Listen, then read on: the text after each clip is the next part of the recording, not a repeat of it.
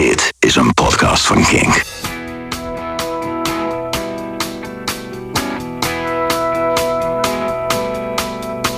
What used to be a house of cards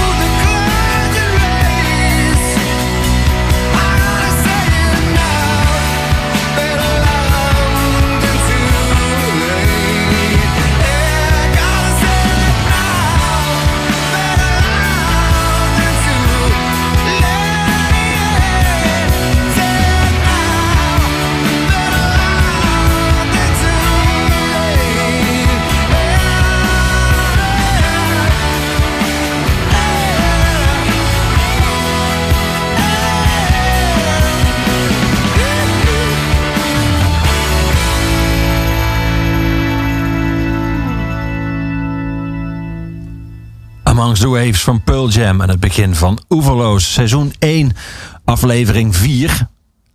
Op zondag te horen op Kink van 10 tot 12. En daarna tot een eeuwigheid der tijden als podcast.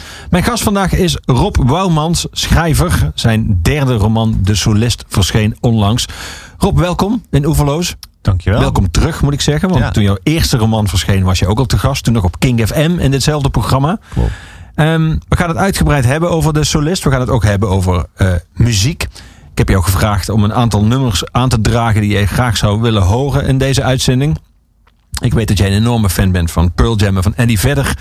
En tot mijn verbazing, misschien zelfs verbijstering, ontbrak Eddie Vedder en Pearl Jam in die lijst. Dus ik heb mezelf maar toegevoegd. Ja. Maar toch de vraag, waarom deed jij jezelf, mij, de luisteraar en Eddie tekort door hem niet in de lijst te zetten? Nou, omdat een lijst is natuurlijk per definitie altijd eh, vooral een uit uitsluiten van andere ehm, nummers. Ehm, en ik moet eerlijk zeggen, ik ben een groot liefhebber van Pearl Jam en Eddie Vedder. En ik zie ze heel graag live, maar ik luister ze niet heel vaak. Het valt nu helemaal stil hier, zoals je hoort. Ja, moeten we er maar gelijk eh, het gesprek afronden? Nee, eh, Nee, het is- het is- eh, het is- geldt ook een beetje voor Bruce. Nou, Bruce Springsteen luister ik misschien nog wel vaker eh, dan Pearl Jam.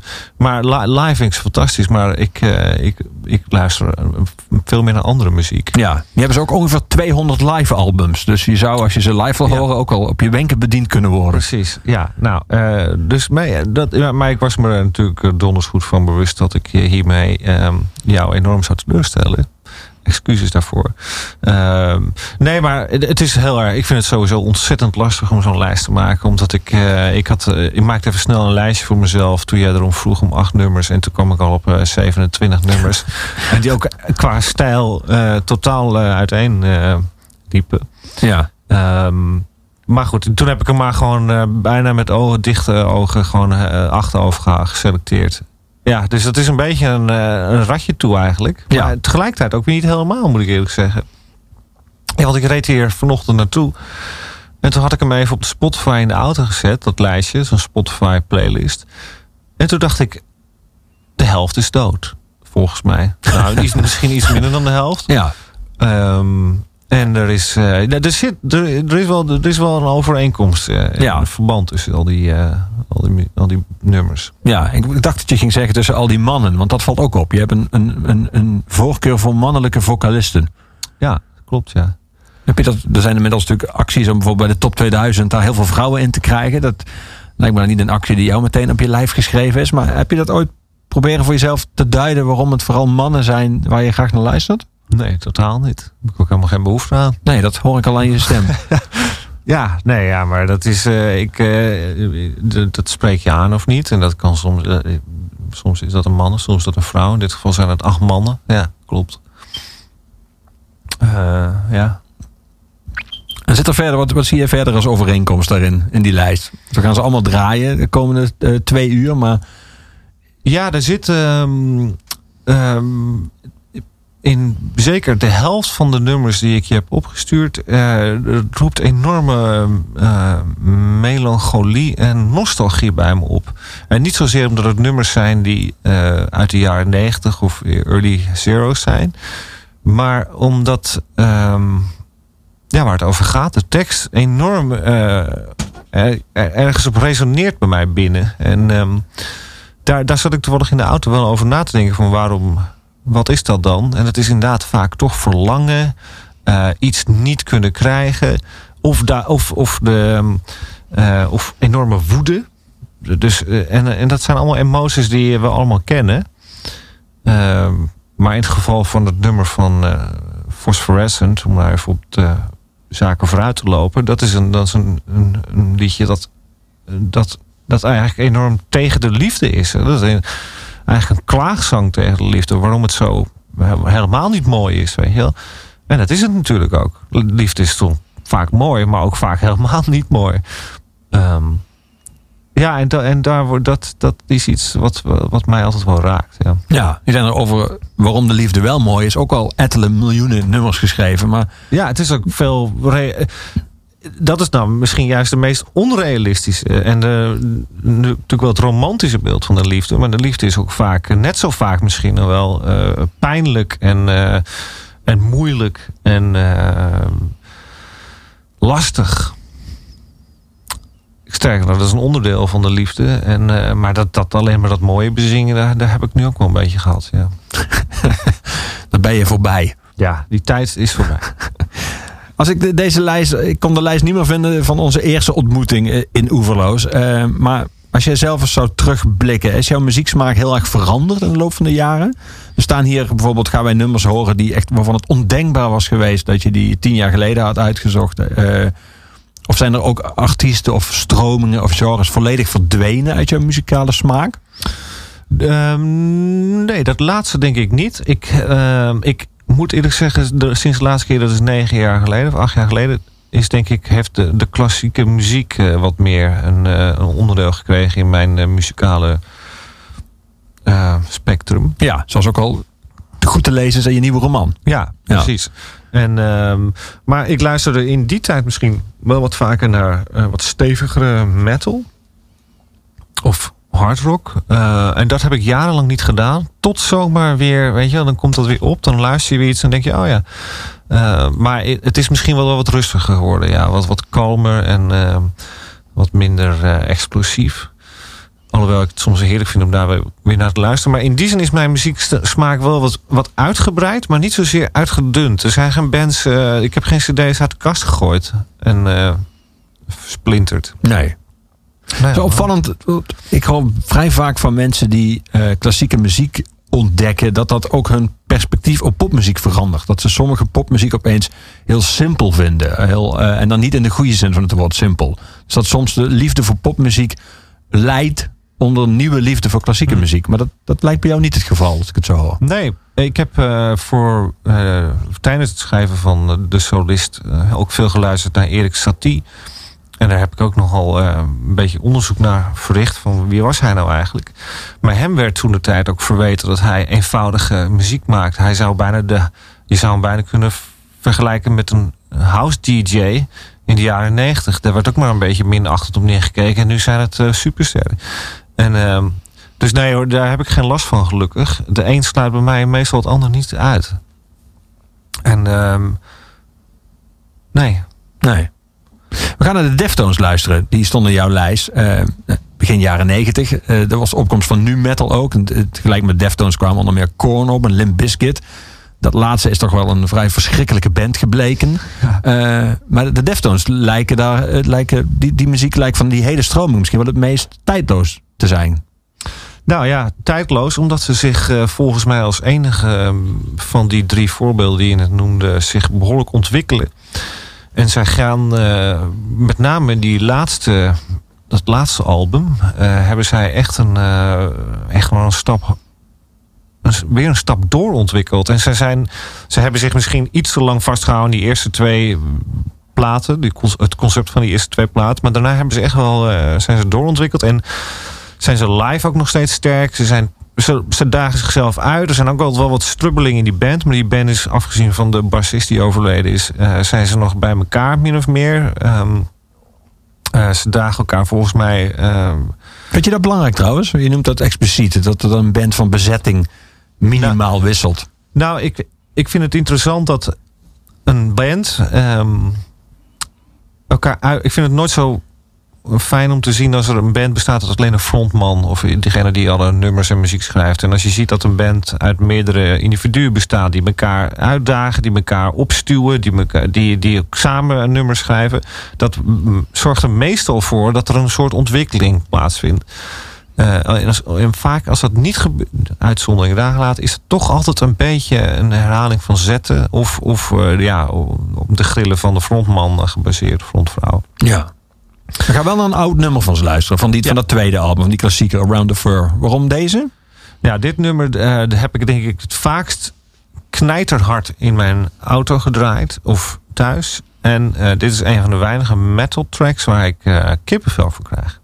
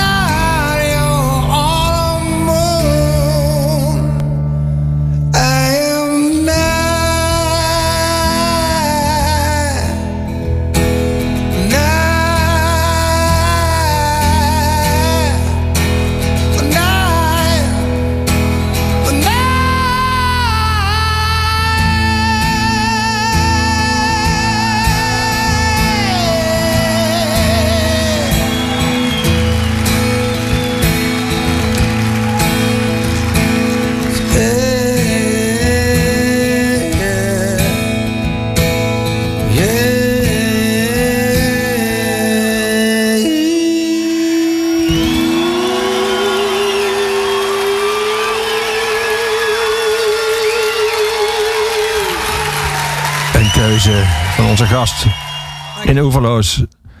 Jaargang 1, aflevering 4. Rob Wouwmans. Wat een stem, hè? Jezus. Ongelooflijk, hè?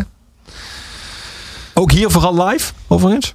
Nee, valt wel mee eigenlijk. Ehm, deze, eh, hij heeft ook heel veel live uh, opnamen of nou, optredens waarbij zijn stem niet fantastisch is overigens. Maar ehm, ik ehm, vind deze hele live uh, registratie... Het is overigens allemaal verschillende optredens, maar deze hele plaat fantastisch. Ja, Chris Cornell. In 2011 heeft hij er wel allemaal opgenomen. Ja. Naar de verschillende zalen. Wat een bereik, hè? Ja. Het gekke is dat hij natuurlijk qua solo uh, materiaal, dat dat alle kanten op schoot. Hij heeft ook een soort van, we zelfs een plaat gemaakt die nogal dancegericht was. Of een soort R&B-achtige, dat is ook volledig gekraakt. Ja. Hij was wel zoekende, leek het wel. Ja. Uh. Ja, het leek alsof hij een band nodig had. Hè? Want hij, tijdens uh, zijn dood toerde hij weer met Soundgarden. En ik vond overigens die periode, die eerste twee platen van Audioslave ook uh, waanzinnig hoor. En uh, het leek alsof hij die context van een, uh, van een echte band, een volwaardige band, wel nodig had. Want die, die soloplaten zijn niet, niet geweldig hoor. Je, je, hoe heet die? Euphoria? Ja. Dat is dan nog wel acceptabel, zou ik willen stellen. Um, maar goed, ja, zijn eigenlijk luisterde ik naar zijn, eerder naar zijn audiosleefwerk dan naar zijn Soundgarden werk. Maar bij mijn tweede roman heb ik heel veel geluisterd naar zijn eerdere Soundgarden platen. En uh, dat komt daar ook heel vaak terug in, uh, in De Nacht van Lolita, mijn tweede boek. En toen pas heb ik, toen pas ben ik eigenlijk nou, van die muziek van Soundgarden gaan houden. En die, eind 80, 89, voor mij zijn ze groot geworden. En begin jaren 90. Um, maar ja, ook tragisch aan zijn eind gekomen. Ja, zeker. Wat draaide je tijdens uh, het schrijven van De Solist, je nieuwe roman? Ik heb heel veel Chopin gedraaid. Um, en in het boek komen de preludes van Chopin regelmatig terug. Maar ik heb vooral geluisterd naar de nocturnes. En dat is de toch wat uh, nou, avondmuziek, hè, letterlijk. Um, maar ook wat rustiger. En wat minder uh, uh, fluctuerend in uh, ritme en melodieën. Dus ik word er altijd heel kalm van. En het is voor mij de ideale schrijf, schrijfmuziek. Gebleken, of wist je dat al? Gebleken, maar ik moet eerlijk zeggen dat, mijn, dat ik tijdens het schrijven ook heel vaak geen muziek heb hoor. Maar in dit, in dit geval was klassieke muziek bijna de enige vorm van muziek die ik kon hebben. omdat het natuurlijk draait op een muzikus. Ja die na vijf jaar en 23 dagen terugkomt in zijn stad Berlijn. Die inmiddels is ingenomen door de Russen, overal zijn Russische soldaten. Hij is op zoek naar zijn geliefde. Je beschrijft hoe die stad Berlijn erbij lag in die tijd. Met overal weggevaagde gebouwen, met lijken die in de rivier drijven. Uh, en met overal die Russen um, en, en hun gedrag. Um, hoe, hoe, vond jij, hoe heb jij al die informatie gevonden? Want je beschrijft het soms heel gedetailleerd. Nou, um, veel is natuurlijk bekend. Hè? Berlijn lag. Berlijn was het epicentrum van de gevechten tussen, uh, tussen de Duitsers en de, en de Russen. Daar uh, eindigde het ook. Dus Berlijn lag uh, letterlijk helemaal in puin. Ook omdat het al die maanden voorafgaand aan, die, aan, de, aan de laatste gevechten plat werd gebombardeerd door de geallieerden. Dagelijks, elke dag. Bombardement op burgers. Wat gewoon toen, toen de tijd heel normaal was overigens. En ik heb nadat ik uh, ontdekte dat twee weken na de onvoorwaardelijke overgave van de Duitsers uh, het Berliner Philharmoniker daar een orkest heeft, of een, concert heeft gegeven in, in de ruïnes, toen ben ik, heb ik contact gezocht met het archiefafdeling van Berlijnse Philharmoniker. En heb ik uh, heel veel informatie ontvangen en heb ik eindeloos zitten doorlezen en ploeteren en gelezen wat ja, oogtuigverslagen en ook muzici die daar uh, vertelden wat er in die periode gebeurde. Dus ja, en ik heb heel veel andere boeken daarover die periode gelezen. En het heeft natuurlijk ook met voorstellingsvermogen te maken. Ja. We, het, sterker nog, als je googelt op Berlijn 1945 zie je ook nog de beelden.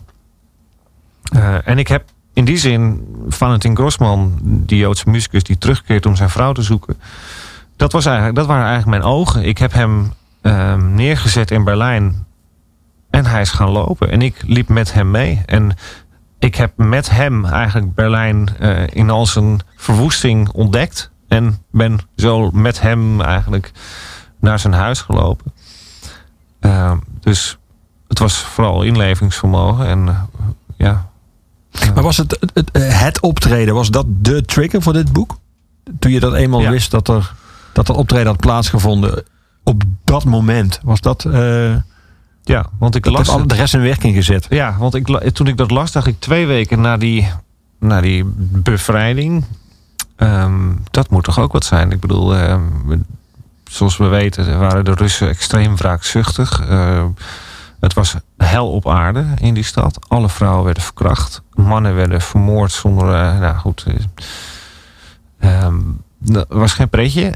En dat er dan toch een groep mensen zijn die denken, laten we een concert geven. Dat, dat hebben we nodig. En, dus daar, dat gegeven, dat uh, sprak bij mij enorm tot verbeelding. Ik denk, ja, wat moet dan je drijfveer zijn? En waarom is de mens zo extreem veerkrachtig? In dat soort onwerkelijk uh, bizarre uh, situaties. Dus daar ben ik mee aan de slag gaan. En toen ik met het archiefafdeling, met die archivaris van de Berliniker, daar veel contact over had, groeide dat verhaal. En ik heb daar een fictie-element aan toegevoegd, namelijk Valentin Grossman, om om ook natuurlijk die verbeelding te laten spreken, maar ook om mezelf voor te stellen hoe het is. Ik, kan, in zo'n situatie, ik kan me, als ik ik denk wel, stel dat nu oorlog is en stel dat we nu in zo'n situatie zouden komen, zou ik, wat zou ik dan waard zijn? Nou, dan kun je natuurlijk alleen maar bedenken. En eh, toen dacht ik, ja, eh, blijkbaar doe je dat dus. Hè? Dan ga je dus nieuwe doelen stellen. Oké, de situatie is nu extreem slecht. We moeten dus nu een nieuw ja, buiten eten en slapen, wat maakt het leven nog waard? Nou, een concert dus voor hen. Um, want zij waren natuurlijk ook nog waarschijnlijk een van de best gevoede en gezondste mannen van heel Duitsland. Omdat zij goed betaald werden daar gedurende de oorlog om te spelen. Dus zij hadden ook waarschijnlijk een plicht. Voelden zij dat ook zo? Voelden zij dat als een plicht naar de rest van Berlijn? Of waren zij uh, simpelweg gewoon wilden ze gewoon weer plezier en muziek. Was de schoonheid van de muziek de, de, de motivatie? Nou ja, zo, zodoende heb ik. Uh, ja, zodoende is die ene regel hè, in, die, in die reisgids die ik toen zag van, over het, de Berliner die weer speelde. Dat, dat, die gedachte maakte het allemaal bij me los. -hmm. Maar hij, je, je, laat hem, je hoofdpersoon, uh, die dus wel fictief is, die laat je muziek heel veel heil toedichten. Hij vindt dat die stad muziek nodig heeft, een, een optreden nodig heeft. En hij legt ook uit uh, waarom dat nodig is. Hij denkt dat dat voor de ziel van de stad bijna helend is. Ja. Um, is dat.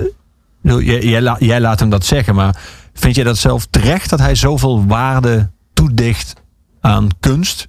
Zelfs ja. in zo'n kapotte stad? Of misschien zelfs vooral in zo'n kapotte stad? Ja, ja vooral in zo'n kapotte stad, ja. Um,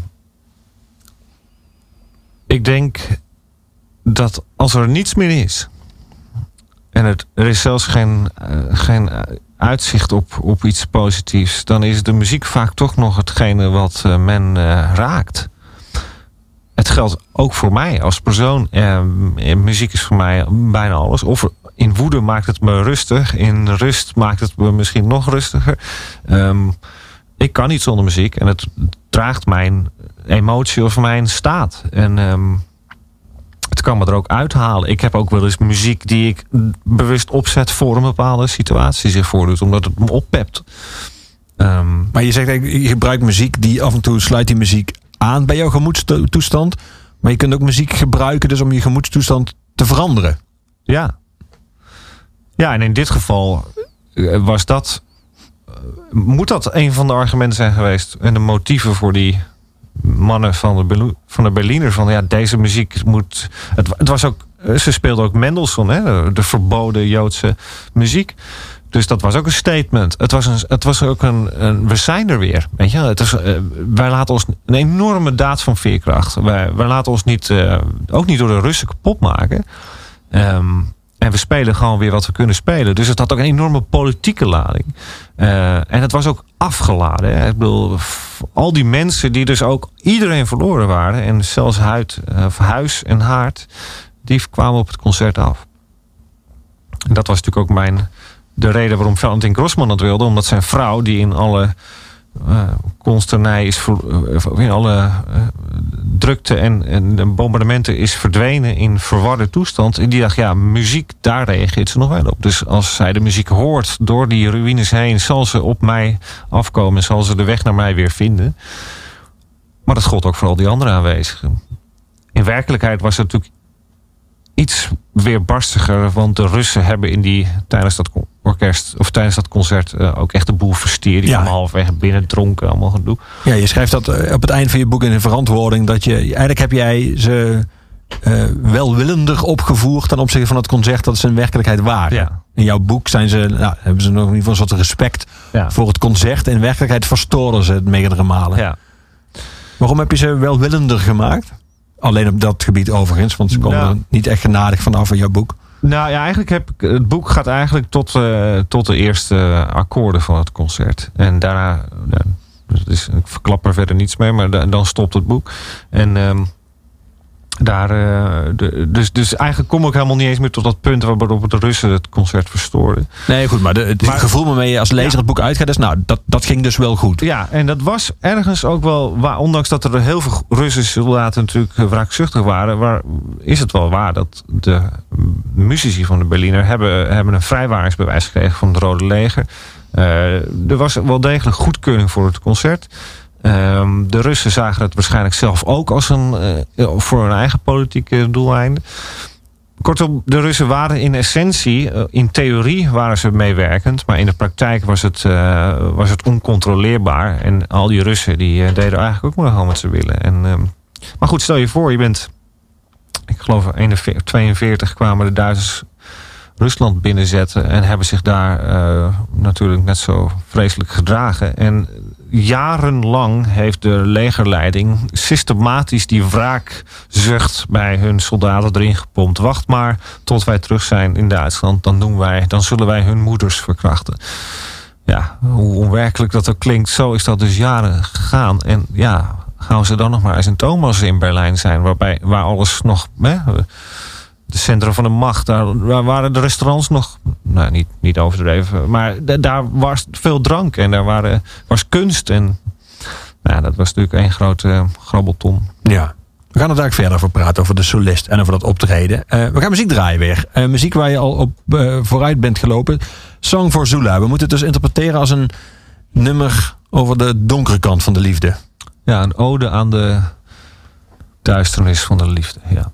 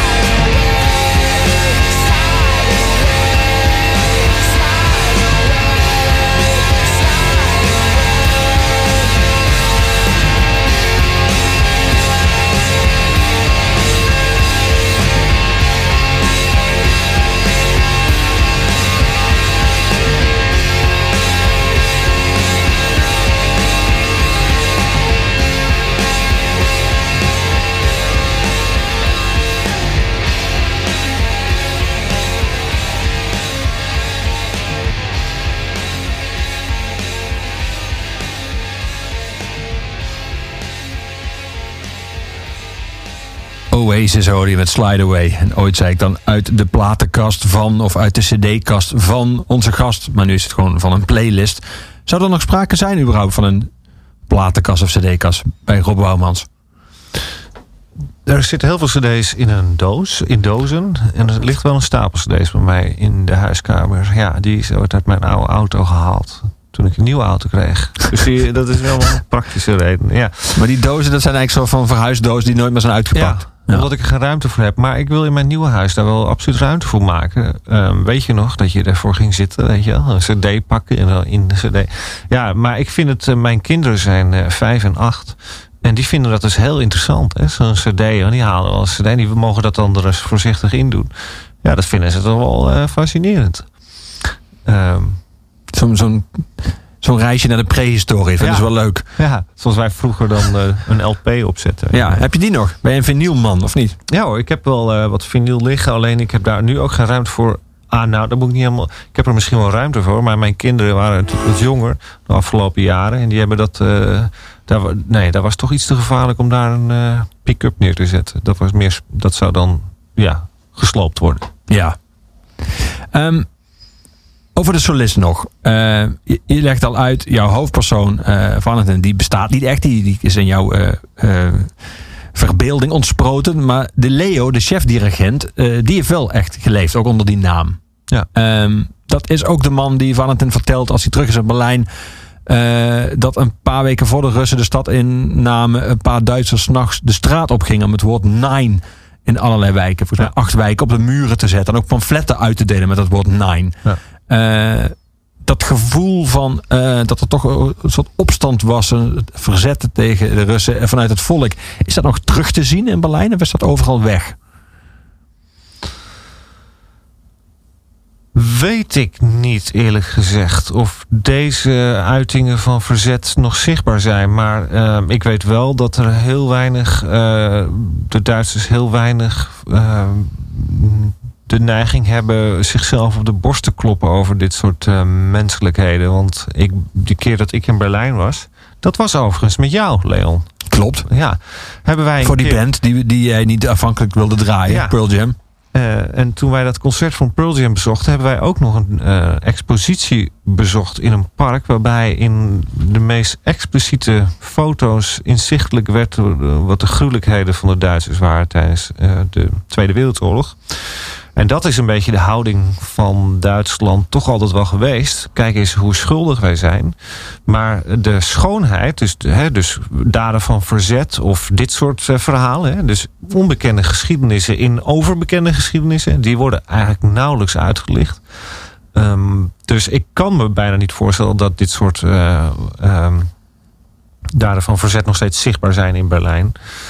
Eh, ik weet er in ieder geval niets van. Ik heb het niet gezien. Nee. Die Valentin, je laat hem op een gegeven moment zeggen... dan hebben ze een discussie over dat concert. Hij wil dat graag. Hij vindt dat het goed is voor de stad. Hij denkt dat dat de stad eh, een soort van weer eh, opwaarts doet bewegen. En hij wil natuurlijk ook zijn, eh, zijn vrouw terug... die hij hoopt te lokken met het concert. Maar dan hebben ze ook een discussie over hoe wenselijk dat concert is. Hoe, hoe haalbaar het is, dat idee. Maar ook hoe, hoe dat praktisch dan zou moeten gaan. En dan zegt hij op een gegeven moment... we moeten gewoon de beslissing nemen dat het gaat gebeuren. De, de rest komt later wel. Eh, dat vond ik wel treffend. Eh, is dat vaak, denk jij, zoals het dient te werken? Dat je gewoon moet besluiten dat iets moet gebeuren en dan alles wat daarna komt aan praktische en eh, allerlei overwegingen van ideologische aard of van welke aard dan ook, die zijn een tweede stap. Dat denk ik, ja. Dat is mijn overtuiging. Want dit is dan een voorbeeld ehm, waarbij ik me goed kan voorstellen dat je er voordat je er goed en wel aan begonnen bent, het eigenlijk al opgeeft. Als je denkt aan alle praktische bezwaren en eh, uitdagingen die je tegenkomt. En als je je daardoor uit het veld laat staan, eh, zou, zou het nooit gebeurd zijn. En dat geldt voor, natuurlijk voor zoveel zaken in het leven, maar ook voor een project als dit. dit. Dit boek, toen ik erover nadacht, dacht ik, dit is een behoorlijke klus. En er zijn natuurlijk talloze momenten geweest dat ik dacht, moet ik hier niet gewoon mee stoppen? Is dit niet ehm, te ambitieus of is dit niet eh, ondoenlijk? Maar nou ja, ik zit hier nou toch wel mooi en ik ben er hartstikke trots op. Ja. en, eh, dus, nee, dat zou, dus je moet soms over die bezwaren heen kijken, want die lossen zich gek genoeg ook altijd wel op. Je zal er soms hard voor moeten werken. Eh, maar stel je de, meest grootste projecten van het leven is voor, weet je, de, de, de, grootste melogomane kunstenaars met extreem ja, die laten zich ook niet aan het veld slaan door, ehm, door dat kan niet of dat moet niet. En eh, in het creatieve proces is dat eigenlijk de grootste dooddoener, de grootste blokkade om, om in praktische bezwaren te denken. Die moet je eigenlijk zoveel mogelijk blijven negeren. Ja.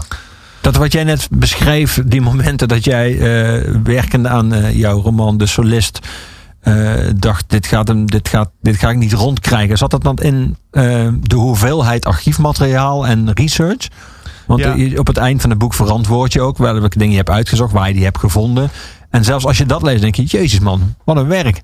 Ja, ja het, het zat er ook vaak in dat ik dat het fictieve verhaal ook kloppend moest zijn. Want zo, zo ben ik dan ook alweer, zo'n perfectionist. Moest helemaal moest kloppen met het non, met, met het non-fictie deel. En ik had natuurlijk die, dat fictieverhaal, daar had ik natuurlijk al een hele lijn voor uitgezet. Zo ben ik, eh, aanvankelijk was eh, Valentin Grossman een violist. En dat klopte niet, om meerdere redenen, met mijn verhaal. De violist in Valentin Grossman kwam nooit los eigenlijk. En toen wist ik eh, dat ik van instrument moest veranderen. En dat heeft bijvoorbeeld, weet je, dat zijn, voordat je daar gewoon een eenvoudige instrumentwijziging toevoegt, dan ben je al weken verder. En, dat, en ook met de tijdslijnen die helemaal moesten kloppen. Ik wilde ook heel graag de geschiedenis van de jodenhaat in Rusland, eigenlijk de oorsprong van de jodenhaat in Europa, eh, goed beschrijven. En die oorsprong eh, ligt in Rusland. Dus ik wilde graag ook de voorouders van Valentin Grossman, eh, de geschiedenis daarvan goed bespreken. Nou goed, dat moest ook dan weer helemaal kloppen. En dan ook weer met de lijnen. Nou, dat zijn allemaal technische schrijfuitdagingen waar ik soms eh zwetend van wakker werd. Ja. Ja. Maar je gelukkig, net zoals Valentin zelf in jouw boek, allemaal overheen hebt gezet Ja. voor dat glorieuze einddoel, de Ja. roman. Ja. We gaan muziek draaien, eh, Rob. Muziek naar jouw keuze. We gaan luisteren naar de op één na laatste overleden zanger eh, in, de- Oh. in deze uitzending van Overloos. Ehm, de zanger van Alice in Chains heb ik het over. Die overigens wel nog steeds bestaat, die band. Alweer jaren met een nieuwe zanger. Die al lang geen nieuwe zanger is. Maar waarschijnlijk de rest van zijn leven de nieuwe zanger zal Ja. blijven eh, heten. Ehm, ben je er overigens geïnteresseerd in gebleven in die band? Na de zangerwissel? Ik heb ze één keer live gezien. wel, ontzettende go- goede zanger overigens hoor. En hij, zijn bereik is overigens wonderbaarlijk vergelijkbaar met Lane Staley. Maar ja, nee, dit zal toch inderdaad altijd de nieuwe zanger van Alice in Chains blijven. Ja, en dit was een band die jou in dezelfde periode waar we het straks beschreven, zo eind jaren 80, begin jaren 90, ook meteen op jouw pad kwam? Nee, die is Heb je die met terugwerkende kracht ontdekt? Ja, nee, dat is zo rond eh, 96. eh, dus voor mij eh, vlak voor de dood van eh Lane Staley, denk Ja. ik dan. Eh, is het mij pas op mijn pad gekomen dat een studiegenoot van mij me daarop wees. En toen, en, en zelfs toen nog een paar jaar later, is het pas echt bij mij binnengekomen. En, ehm, maar ook door die tragiek van, van de- het overlijden van hem en de, de tragiek van het bezwijken onder het succes. En, ehm, maar ook, er zit ontzettend veel, eh, veel, kracht in die, eh, in die nummers. En ehm, ook in die, dat, die fragiele, vooral als je die laatste beelden, vooral, ja, zeg maar, als hij vol in de verslavingperiode zit. Zo fragiel, zo klein, maar enorme kracht eh, in zijn stem. Ehm, ja, dat heeft me toch altijd wel eh, gefascineerd. En dat, dat moet bij mij altijd een beetje samenhangen. Ik kan heel, heel slecht tegen muzikanten die eh, me ook als er geen verhaal achter zit, moet- dat voor, bij mij versterkt het zich altijd een beetje. Eh, alhoewel ik ook gewoon van muziek kan houden zonder dat je dan gelijk weer in de drugsproblemen moet zitten. Maar Ja, goed, maar een verhaal hoeft niet per se een drugsverhaal te zijn. Nee, de- precies, maar er moet wel drama zijn. Dat, is, dat versterkt het, laat ik het, laat ik het zo stellen. Ja. Ja, nou goed, jij moet zes jaar terug in de tijd. We gaan nu bijna 30 jaar terug in de tijd. Naar, van het album Facelift. Is Man in the Box van in Chains.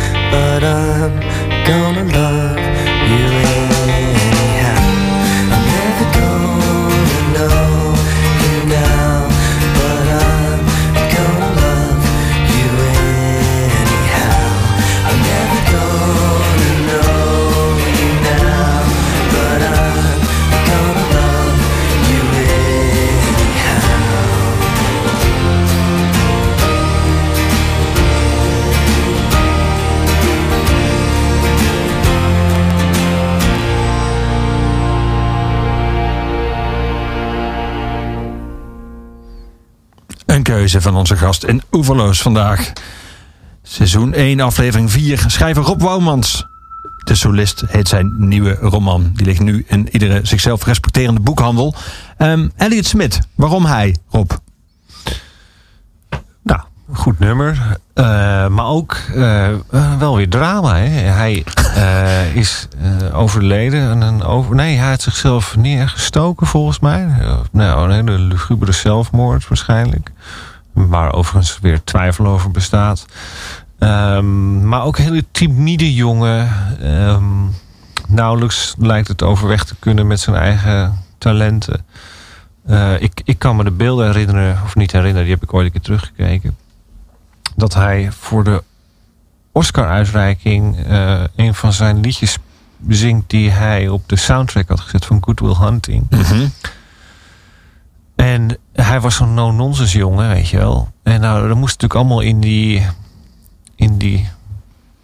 in dat keurslijf van die eh, ceremonie. En dat paste heel. Dat vond, Waar het niets no-nonsense aan is. ja, en dat het straal. Ik vond ik kreeg zo'n medelijden met die jongen.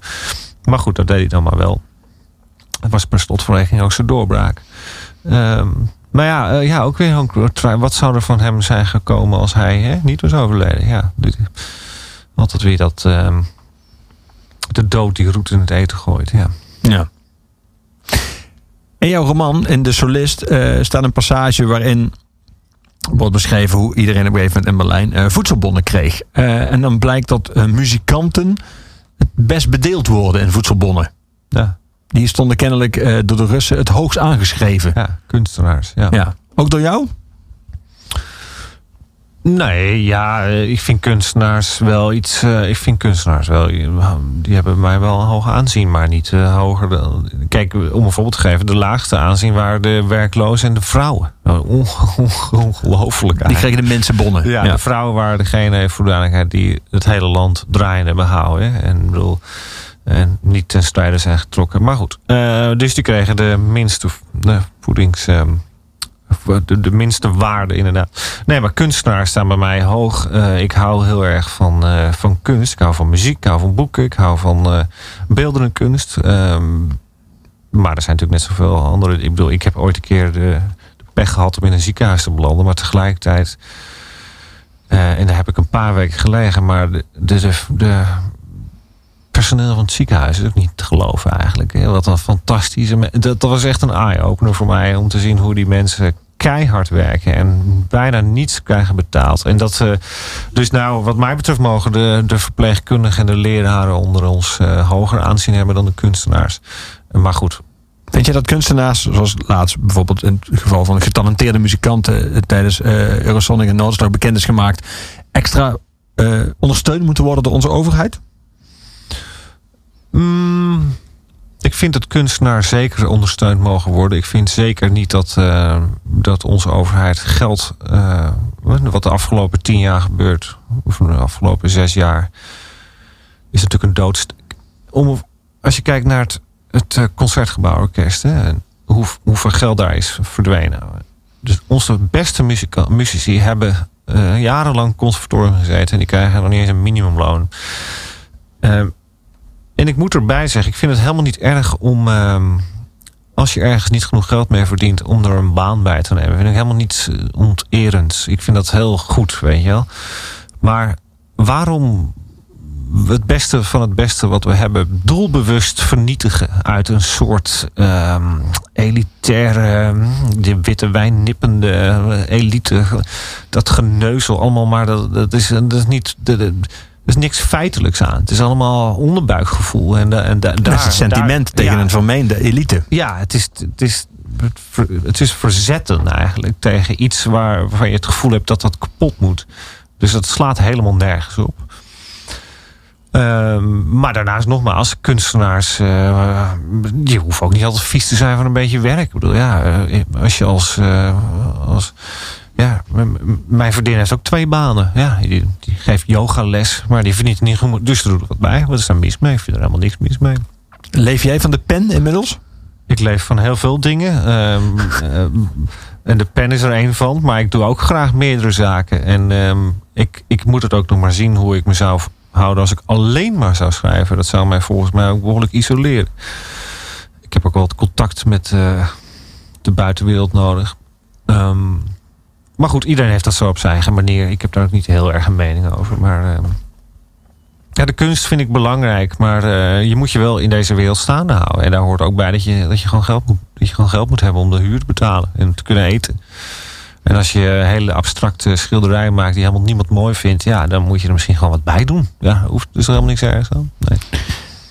Had geen beter bruggetje kunnen zijn naar het volgende nummer. Want heel veel mensen hebben het concert van deze band in de AFAS Live een aantal maanden geleden ervaren als een soort abstract schilderij waar ze niks mee konden. A Perfect Circle. eh, de andere band, inmiddels zijn er nog, is er nog één bij. En zelfs nog één van Maynard, de zanger van Tool. De band die langer dan Guns N' Roses geen nieuw album maakt. Eh, die speelde een paar maanden geleden in, de, in eh, eh, AFAS Live. En kozen voor een zeer conceptuele aanpak van de avond. Waarbij er geen enkel contact werd gelegd met het publiek. En de zanger Maynard ook links op een zijpodium in het donker stond de hele avond. De meningen waren extreem verdeeld. Ik weet toevallig dat jij daarbij was die avond. Hoe, hoe enthousiast was jij? Dat gaat tegenwoordig in sterren, van 1 tot 5 sterren. Ja, waar, eh, ik- waar zat jouw oordeel? Ik gaf 4,5 ster. ik vond het een, eh, een waanzinnige avond. Ehm, en ik heb inderdaad wat kritieken links-rechts voorbij zien komen. En ik verbaasde me vooral over het feit dat, ehm, dat ze dat Maynard dan helemaal achteraan het podium stond. Dat ze dat zo vreselijk vonden. Of het gebrek aan contact met het publiek. Nou, ik weet niet of je een beetje bekend bent met de persoonlijkheid Maynard. Maar dan weet je, dit is wel wat je kunt verwachten. Ehm, Ik heb ooit een keer een concert van Tool gezien dat hij eh, het hele concert met de rug naar het publiek stond. Nou ja, prima. Ja, het- Jij neemt dat niet als een persoonlijke... Want sommige mensen waren zo boos dat ze dat bijna als een persoonlijke afwijzing leken te ervaren. Die vonden de investeringen die zij de afgelopen jaren gemaakt hebben in t-shirts en cd's, dat ze die persoonlijk terugverwachten. En dat gebeurde niet. En dan waren ze nou, persoonlijk ja, gekwetst. Maar ik vond het een fantastische avond. Ik vind de Perfect Circle ook een geweldige band. Ik vind het misschien wel, misschien toch wel het beste project van de Maynard, eerlijk gezegd. Ehm, en een half jaar, of in ieder geval vorig jaar, zijn ze met een nieuwe plaat gekomen. Die is wel iets wat timide. eh dus die is wat minder eh, explosief. En het nummer wat ik nu graag wil laten horen is Blue. En dat heeft wel alles in zich. Die heeft en die kalmte en dan die explosie van agressie. Eh, en ja, die eerste twee platen. Eh, moet je me even helpen? Wanneer zijn ze uit? 99 en 2003 of zoiets? Volgens mij wel, ja. zoiets. Eh, die waren Deze wel- van 2003. die waren wel ijzersterk hoor. Ehm, maar ik kijk ook heel erg uit naar die nieuwe Toolplaat die er hopelijk dit jaar aankomt. En je bent dan niet ergens hier bij het concert zich niet tot persoonlijk tot jou richt. Hij hoeft niet te zeggen goedenavond Rob Bouwmans. Leuk dat je er bent. Eh, dat zal ik hem nu alvast vergeven.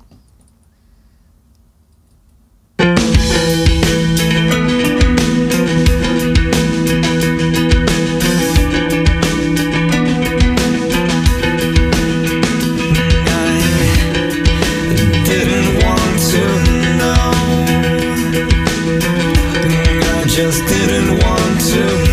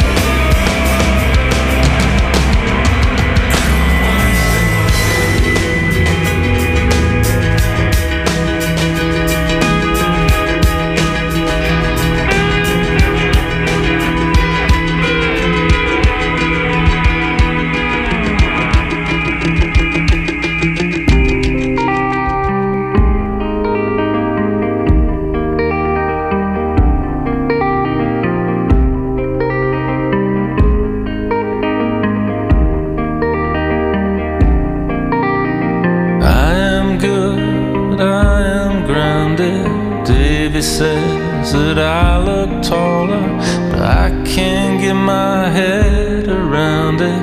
I keep feeling smaller and smaller. I need my girl.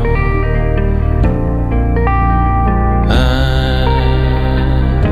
need my girl. Remember when you lost your shit and the car into the garden? You got out and said, I'm sorry to the vines, no one saw. I need my girl. I need my girl. I'm under the gun again. 45% of them.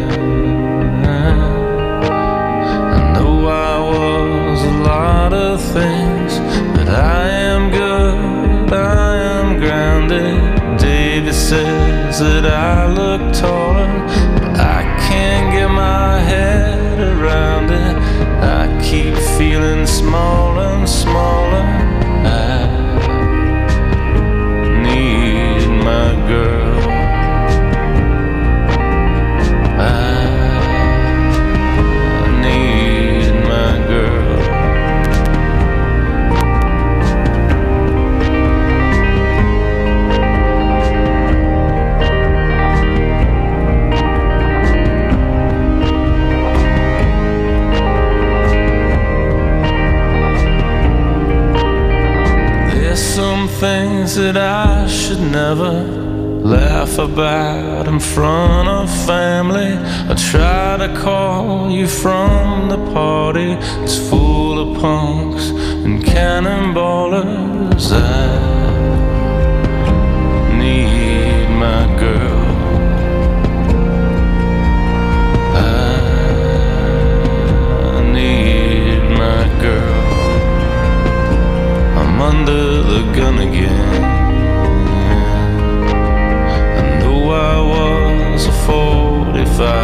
45% of them. I know I was a lot of things, but I am good, I am grounded. David says that I look taller, but I can't get my head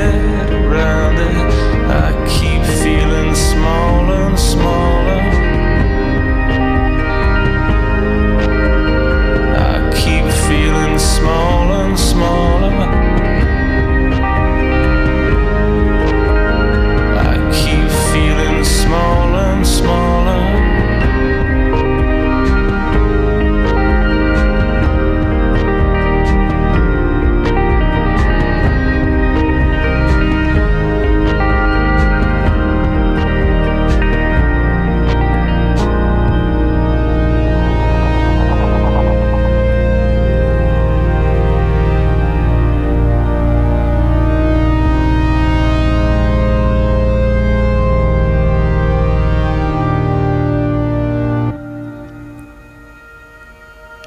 de National, een keuze van onze gast hier in Overloos.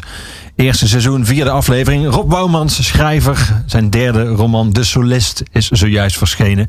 Waarom deze, Rob? Waarom de National? Dat riffje is ehm, waanzinnig. Dat riffje eh, maakt mij in één klap zo melancholisch als een eh, slapje, een bosje slappe rozen. Weet je wel? Het is eh, ongekend. Gaat ook de hele plaat door. Nee, The National is voor mij... Ik vind The National een geweldige band. Maar live hebben ze mij heel vaak teleurgesteld. Tot afgelopen zomer. Toen heb ik ze gezien bij Best Kept Secret. En toen speelden ze echt een fantastische set. En toen was ik eh, twee uur lang de gelukkigste man op aarde. Ik begrijp hieruit dat jij niet heel rancuneus bent eh, ten opzichte van je muzikant. Dus ze kunnen je een paar keer teleurstellen Ja. en dan blijf je gewoon komen. Ja, daar kom ik nu ook achter. Ja, ja ik, ik, nou ja. Dit speel, dus ze speelden overigens op een festival. Dus dan ga je, je loopt er ook niet helemaal voor weg. Ik weet niet of ik. Nee, maar ook al zouden ze nu in een zaal spelen, zou ik weer kaarten kopen. Ja hoor, ik vind ze geweldig. Ehm, Hoe vaak, kun je- hoe vaak kun je dat verdragen van een muzikant, teleurstelling? Of, of, of haak je eigenlijk gewoon nooit meer af als iemand ooit je hart veroverd heeft? Ik haak niet snel af. Nou, ik kom er ook wel eens achter dat ik... eh, dat is eigenlijk gewoon een beetje eh, domheid. Dat ik dan ergens naar een band ga die ik dan eerder gezien heb. En dan sta ik en denk ik, oh ja, ja live is er helemaal niks aan. Weet je wel? Bijvoorbeeld, nee, eh, het, het gebeurt me niet heel vaak overigens. Maar ehm, sommige dingen hangen ook erg samen met de beleving. Hè? Dus publiek, bijvoorbeeld bij Oasis. Daar ehm, kom ik graag. Ik luister er graag naar, maar het publiek is vreselijk, omdat het vaak heel veel dronken Britten zijn. Ehm, en die komen dan eh, speciaal voor eh, Oasis dan bijvoorbeeld naar Amsterdam. Ja, daar heb ik altijd een slechte ervaring mee gehad. Alsof je op de wallen staat. Maar dan in het donker met een concert voor je neus. Ja, het is niet eh, prettig. Maar goed, kortom, ik, ik blijf dan stug naar Liam Gallagher gaan in dit geval. Ja. Ja. En wachten tot hij weer zich herenigt met zijn broer. Waar Ja. natuurlijk al die dronken Britten om jou heen op zitten te wachten. Ja. Nee, maar de National vind ik een ehm, textueel en muzikaal een, eh, een- wel een fantastische band. Ja, ik kom niet veel verder dan dit soort eh, uitspraken, want eh, ja, ze zijn eh, volgens mij de, de, de, de melancholie, misschien wel de meest melancholieke band die er op dit moment bestaat, moet ik eerlijk zeggen. Hoe is jouw muzieksmaak eigenlijk? o- zeg maar, hoe is die destijds, toen jij begon naar muziek te luisteren, van muziek te houden, ontstaan? Wat is daar de bron van geweest? Stond er bij jullie thuis veel muziek op? Bij, eh, ja, er stond eh, ook vrij uiteenlopende stijlen muziek stond er bij ons in de platenkast. Maar eh, bijvoorbeeld mijn toch wel de liefde voor Simon en Garfunkel bijvoorbeeld, is daar heel, die ik daar toch wel tot mijn twintigste heb meegedragen, is daar vandaan gekomen. Maar ehm, het was niet heel erg rock'n'roll hoor, wat mijn eh, ouders in de platenkast hadden staan. Maar ik heb wel een hele brede smaak ontwikkeld. Ik sluit niet zoveel uit. En ik, eh, ik weet wel dat ik tot mijn, ja, zeg maar in de puberteit eh, gewoon hele ordinaire top 40 muziek eh, luisterde. Totdat ik eh, Oasis begon te luisteren. En dat heeft mij ehm, de, de deuren van de rock and roll geopend. En toen heb ik eigenlijk, eh, vanaf dat moment heb ik alle vormen van rock, rock en metal en hard rock en singer-songwriter. Is eigenlijk alles wel de revue gepasseerd. En die top 40 muziek, popmuziek, daarmee uit jouw leven verdwenen? Of is Ja, dan heb ik nu echt wel een, eh, echt een hekel. Nou, ik luister bijna nooit naar, naar pop, popzenders, maar daar heb ik nou, niet een hekel aan, maar ik heb er geen kennis van. Dan soms hoor ik iets en dan zingt iemand mee en dan zeg ik, hoe, hoe ken je dat nummer? Ja, eh, radio. En ik, oh, ja, dat, dat, dat zit er bij mij dus niet meer zo in. Ik luister veel naar radio, maar niet naar muziekpopzenders. Nee. Nee. Of popmuziekzenders eigenlijk. Ja. Ehm, maar het is ja, wel eigenaardig hoe dat, dat je dat opeens ehm, helemaal omgaat. En dat je het ook nog weet. Dat je nog weet dat je die cd... Ik weet ook nog dat ik die cd van OS kocht in de platenwinkel. En dat ik daar naartoe ging. En dat ik hem draaide in mijn kamer. En dat, dat op dat moment is voor mij ook... Het is ook zo'n breuk, weet je wel. Van dat moment veranderde mijn leven in die zin wel. Ik wil het niet groter maken dan het is. Maar dat was het wel. Ja. Je hoeft het niet kleiner te maken dan Zeker het was. niet, alsjeblieft. Nee.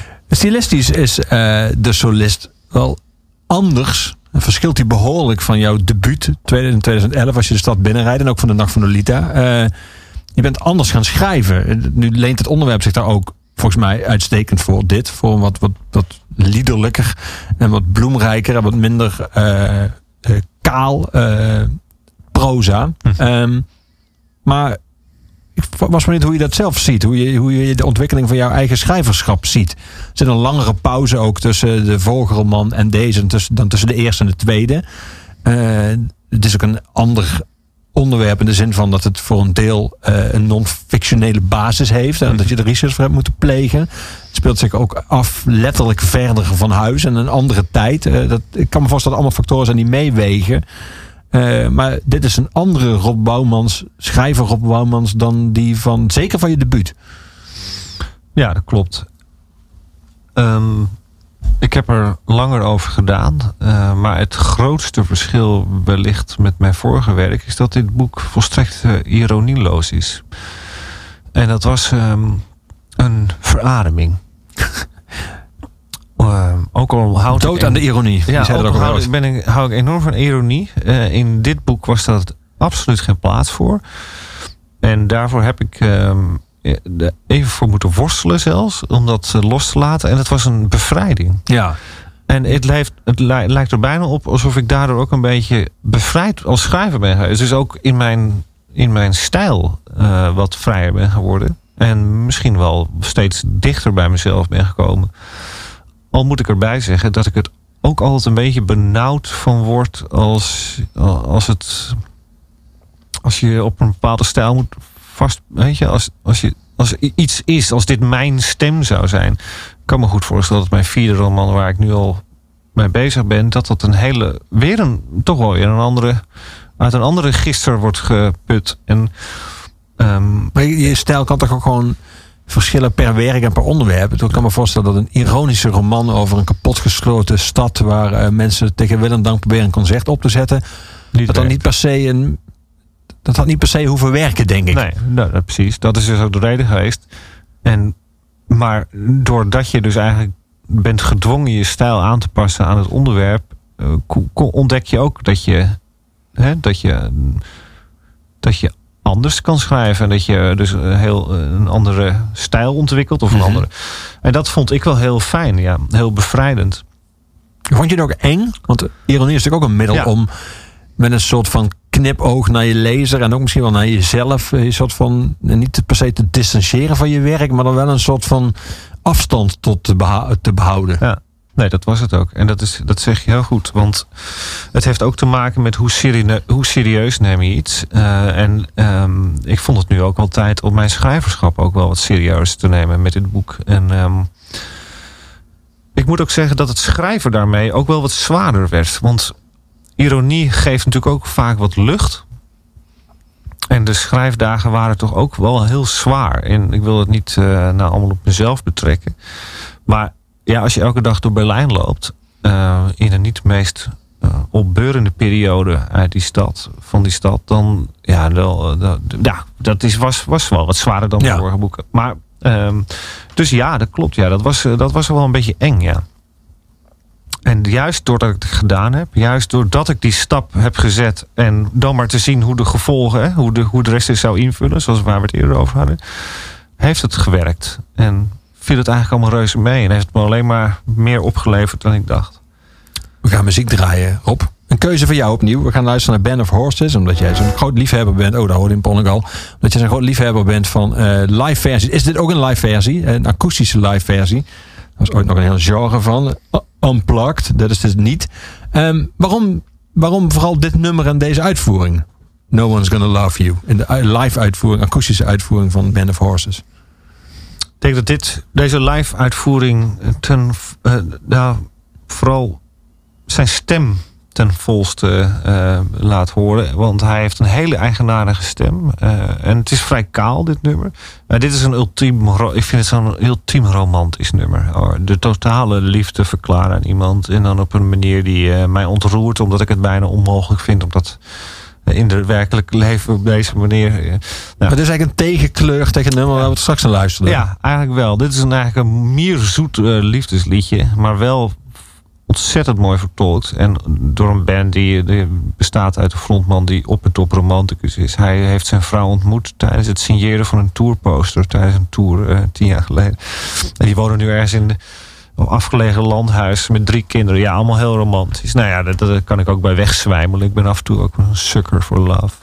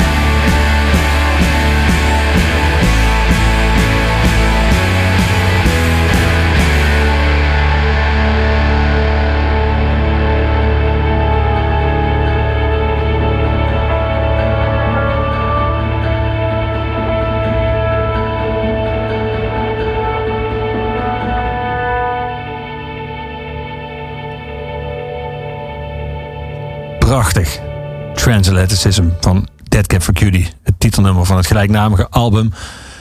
Een keuze van onze gast hier in Oeverloos op Kink. Rob Woumans. Ja, het is wel... Is eigenlijk wel een beste plaat ook, hè? Toch? Deze. Ik vond Plants daarna ook heel erg sterk. Maar het is ehm, ja, jammer dat het daarna niet meer zo goed is geworden. Wat is dat toch met... mm, Wat is dat toch, Leon? Je wou zeggen, met bands het een hield je opeens je zin Ja. op. Is dat alleen met bands is dat zo? niet helemaal zo? Ja, is dat, is dat... Ja, weet ik niet. Of is dat überhaupt niet zo? En is dat gewoon je eigen nostalgie? Of is Ja. het dat je bij- bij een band instapt en dat Ja. je dat dan definieert als die band? En alles wat die band daarna een ontwikkeling doormaakt. En jij niet, dat je ze dat nadraagt. Kan natuurlijk ook. En niet jij, maar wij allemaal, muziekliefhebbers. Nee, daarom vroeg ik, wat is dat? Ja, want ik vraag me dat... echt- Want het kan toch niet zo zijn dat elke band die ik ontdek... eh, Hè, dat ze dan vanaf dat moment minder worden? Nee. Dat lijkt Dus er je nou een kausaal verband tussen het moment dat jij in hun leven komt en een... Nee, je weet het niet. Je weet het nooit. Mensen kunnen jou naast het feit dat jij eh, zelf schrijver bent ook eh, kennen eh, als eh mede-presentator van een, eh, een behoorlijk lange serie literaire talkshows die jij samen met eh eveneens schrijver Iva Victoria deed. Die door het land trok Ja. en die zich kenmerkte door een, droog komische presentatie die wel zeer inhoudelijk was, maar dan zonder de zware gewichtigheid die dergelijke avonden vaak typeert. Ehm, hoe is dat jullie bevallen? Heel goed. Ik weet nog wel dat ik eh, vlak na mijn debuut eh, met eh, Ivo Victoria in een café stond. En toen kwam het te sprake over waarom die... in, toen wa- waren die literaire avonden inderdaad wat, wat, wat een beetje saai. Niet dat dat nou altijd slecht is, maar het mag ook wel iets meer leven. En toen eh, hebben wij toen elkaar gezegd, laten we dan iets leuks, iets, iets leukers van maken. Laten we het dan maar zelf doen. En dat heeft eh, inderdaad geresulteerd in een... eh Wouwmans en Victoria's groot internationaal literair variété-spektakel. Wat zich in een heel, het kleinste theater van Amsterdam plaatsvond. En eh, daarna zijn we dat wat serieuzer gaan aanpakken. En hebben we aardig wat theaters in Nederland en België afgestruind. En ook eh, festivals. Nou, dat was hartstikke leuk. Werkt het ook met iedereen? Want je, je kwam wel als schrijver in de Womans en Victoria wereld terecht. Met, met ook de humor die, en de setting die daarbij hoort. Ik, ik heb het vaak gezien. Ik vond het erg leuk. Maar ik heb het ook nooit zien mislukken. Maar ik zou me kunnen voorstellen dat niet iedereen zich kan schikken naar eh, de wat ongrijpbare droogheid die jullie samen hadden. Meestal ging dat wel goed hoor. Ehm, ik weet wel dat we ooit een eh, rubriek hadden en dat heette de kutrecensie. Dat was eigenlijk eh, precies waar het, waar het over ging. Over een kutrecensie. Eh, en die gingen we dan op het podium voordragen. En niet zozeer om de schrijver voor lul te zetten, maar meer om, om te laten zien wat het met de schrijver deed. Oh, dus de schrijver zat dus live op het podium Ja, voor het publiek. dan- En de meest ongenadige, Ja, liefdeloze recensie van zijn of haar werk werd door jullie voorgedragen. ja ach, van achter de coulissen. Dus dan, waren, dus dan zat de schrijver moederziel alleen. Dus super kwetsbaar. en dat was natuurlijk pijnlijk. Maar, maar daarna hadden we een heel goed, ges- daar een goed gesprek over. Hè? Dus echt van, wat doet het? Want het gaat er mij vooral... Of het ging er ons toen vooral om... dat, dat sommige schrijvers... ehm, de neiging hebben om daar zeggen... ja, dat interesseert me niet. En een slechtere recensie. Het gaat mij om de, wat ik... Maar dat is natuurlijk niet helemaal waar. En eh, dat kwam bij dit soort, bij dit, deze rubriek eh, eh, heel goed, werd dat heel goed zichtbaar. Hoe schrijvers fysiek ineenkrompen bij de woorden die ze waarschijnlijk zelf al honderdduizend keer hadden gelezen. Kloppen ze in één of werden ze juist boos? Ehm, vaak werden ze. Het, het, het, het gebeurde meestal volgens een vast patroon. Eerst deden ze alsof ze niets deed. En dan hadden wij natuurlijk een vragenopbouw bedacht die steeds meer de diepte ging. Van, wat doe je dan? En hoe belangrijk is kunst voor? En, eh, en dan uiteindelijk soms werden ze dan eh, zogenaamd half boos. Dus tussen de regels door. Maar eh, ik heb, er zijn ook auteurs geweest die echt, echt van... Als ik, maar hem tegenkom, krijgt hij een klap voor zijn Weet je? Dus dat werkt altijd hartstikke goed. Maar ik heb daar ook een keer een auteur gehad die daar heel slecht tegen kon. Dus die had dat, eh, dat hebben wij dan misschien niet goed aangepakt. Of ik weet, ik weet niet waar de schuld lag. Maar, dus die, die vond het helemaal niet eh, leuk. Nee. Dus dat klopt. Wij eh, hadden een serieuze, maar ook wel luchtige aanpak. Ehm, en dat werkte meestal wel goed. Maar ik hoor het graag ehm, in de, via de klachtenbox als er nog klachten zijn. Maar we hebben er heel veel plezier van gehad. Maar we zijn er wel afgelopen of vorig jaar mee gestopt. Dan niet tijdelijk, omdat ik eh, toch wel even wat meer tijd voor mijn roman nodig had. En, eh, want het is toch eh, behoorlijk tijdrovend. En, maar we hebben er ontzettend veel plezier mee gehad hoor. De laatste keer hebben we een tournee gedaan door Nederland en België. En toen hebben we gezegd, ja, maar dan willen we ook een tourbus. En dan willen we de, alles erop en eraan. Ehm wat natuurlijk gewoon maar een bestelbusje was met achterbank. Maar wel ontzettende lol gehad. ehm, en ehm, ja, het is ook wel. Maar eh, literatuur brengen is wel heel leuk. Hè? Ik bedoel, dat zul jij ook herkennen. Ehm, het is leuk om mensen, met, eh, om, om mensen ook met andere ogen naar verhalen en boeken te laten kijken. In plaats van alleen maar de geëikte van eh, hoe komt u op het idee en eh, wat vind je er zelf van. Maar met een andere invalshoek ook. eh, hoe, hoe, wat voor schrijver is dit? Eh, en wat zijn zijn motieven? Ehm, waarom doet hij dit? Ehm, wat zegt het over hemzelf? Nou ja, het was eh, leuk en heel uitdagend. En het leert je heel veel over, oh eigenlijk over, over boeken en over schrijven. Ehm, maar eigenlijk heb ik me afgelopen vijf jaar vooral bezig gehouden met het verkopen van andermans boeken. Dus daar vond ik ook maar eens tijd dat ik mijn eigen boek ging verkopen. Ja. Die er nu is, de solist. Je bent nog bezig aan de vierde, zei je net even zo, zo bijna tussen de ik ben regels door. heel erg bezig met notities en uitwerken en eh, kijken hoe ik dit eh, ga aanpakken. Want dit is eigenlijk nog weer groter in mijn hoofd dan, ik, dan dit boek. Dus, maar dan moet ik ook niet te veel um, af laten leiden door de praktische bezwaar.